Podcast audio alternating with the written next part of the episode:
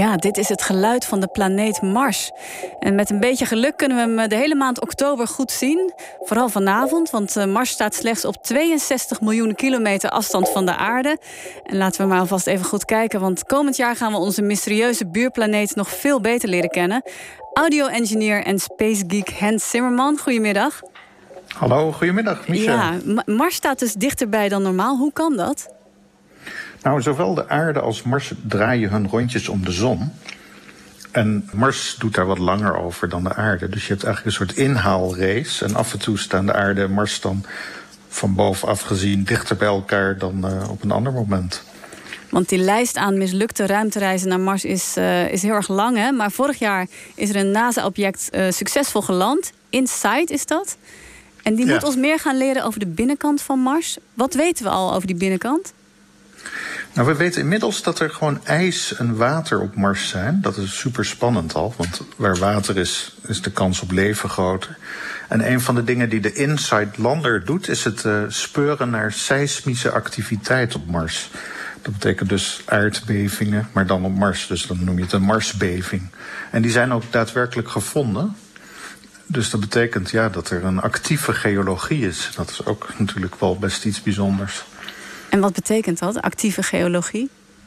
Nou, dat er dus nog van alles rommelt onder het oppervlak van Mars. Waardoor er vulkanisme kan zijn, actief vulkanisme en uh, Marsbevingen. En dat er dus ook nog rotsen blootgelegd kunnen worden die miljoenen jaren onder de grond daar waren. Een ander ding wat ontdekt is door de InSight... is dat er een interessant magnetisch veld om Mars hangt... Ja? wat ook fluctueert. Net als de aarde heeft Mars een magnetisch veld. Alleen blijkt het ook af en toe tien keer sterker te zijn op plaatsen dan men tot nu toe vermoedde. En je bent naast de Space Geek, noem je jezelf, ben jij ook audio-engineer. Zullen we even luisteren naar jouw impressie van Mars?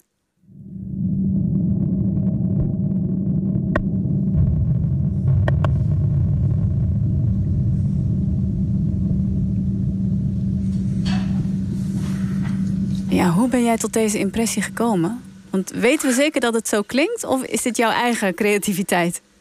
Dit is een versnelde opname van het Marsruimtevaartuig. Want wat ze daar opnemen is de seismische trillingen en de trillingen in de atmosfeer van Mars. Maar die zijn, als je dat gewoon opneemt, ver onder ons gehoor. Dus dan versnellen we het een beetje. En wat je hier dus hoorde was een storm op Mars, maar dan iets versneld. En 2021 wordt een belangrijk Marsjaar, hè? Dat klopt. Er zijn in juli van dit jaar drie dingen gelanceerd. Dat is de Mars 2020, dat is een NASA-missie. Dat is eigenlijk ook de spannendste van de drie hoor. Want die gaat weer landen met een rover en gaat een drone rondvliegen voor het eerst op Mars. En die komt dus in februari 2021 aan. Een ander ding wat gelanceerd is, is de Tianwen 1 van China. Dat is ook een lander die op een onduidelijk tijdstip gaat landen op Mars. En ook volgend jaar aankomt, maar eerst rondjes gaat vliegen. En dan hebben de Verenigde Emiraten ook nog een missie met de naam Hope gelanceerd. En die gaat vooral de atmosfeer van Mars waarnemen. Zou je er zelf naartoe willen, naar Mars? Ook als je zou weten dat je niet meer terug zou keren? Ja, dan moeten vrouw en kind wel mee natuurlijk. Ja. Dankjewel, Hens Zimmerman. En uh, je maakt de podcast Zimmerman in Space, podcast van uh, NPO Radio 1. Dit was Tax en Twan voor vandaag. Zometeen het eh, NOS-journaal van 4 uur. En daarna Radio 1 vandaag met Roos Mogré. En ik ben er morgen weer.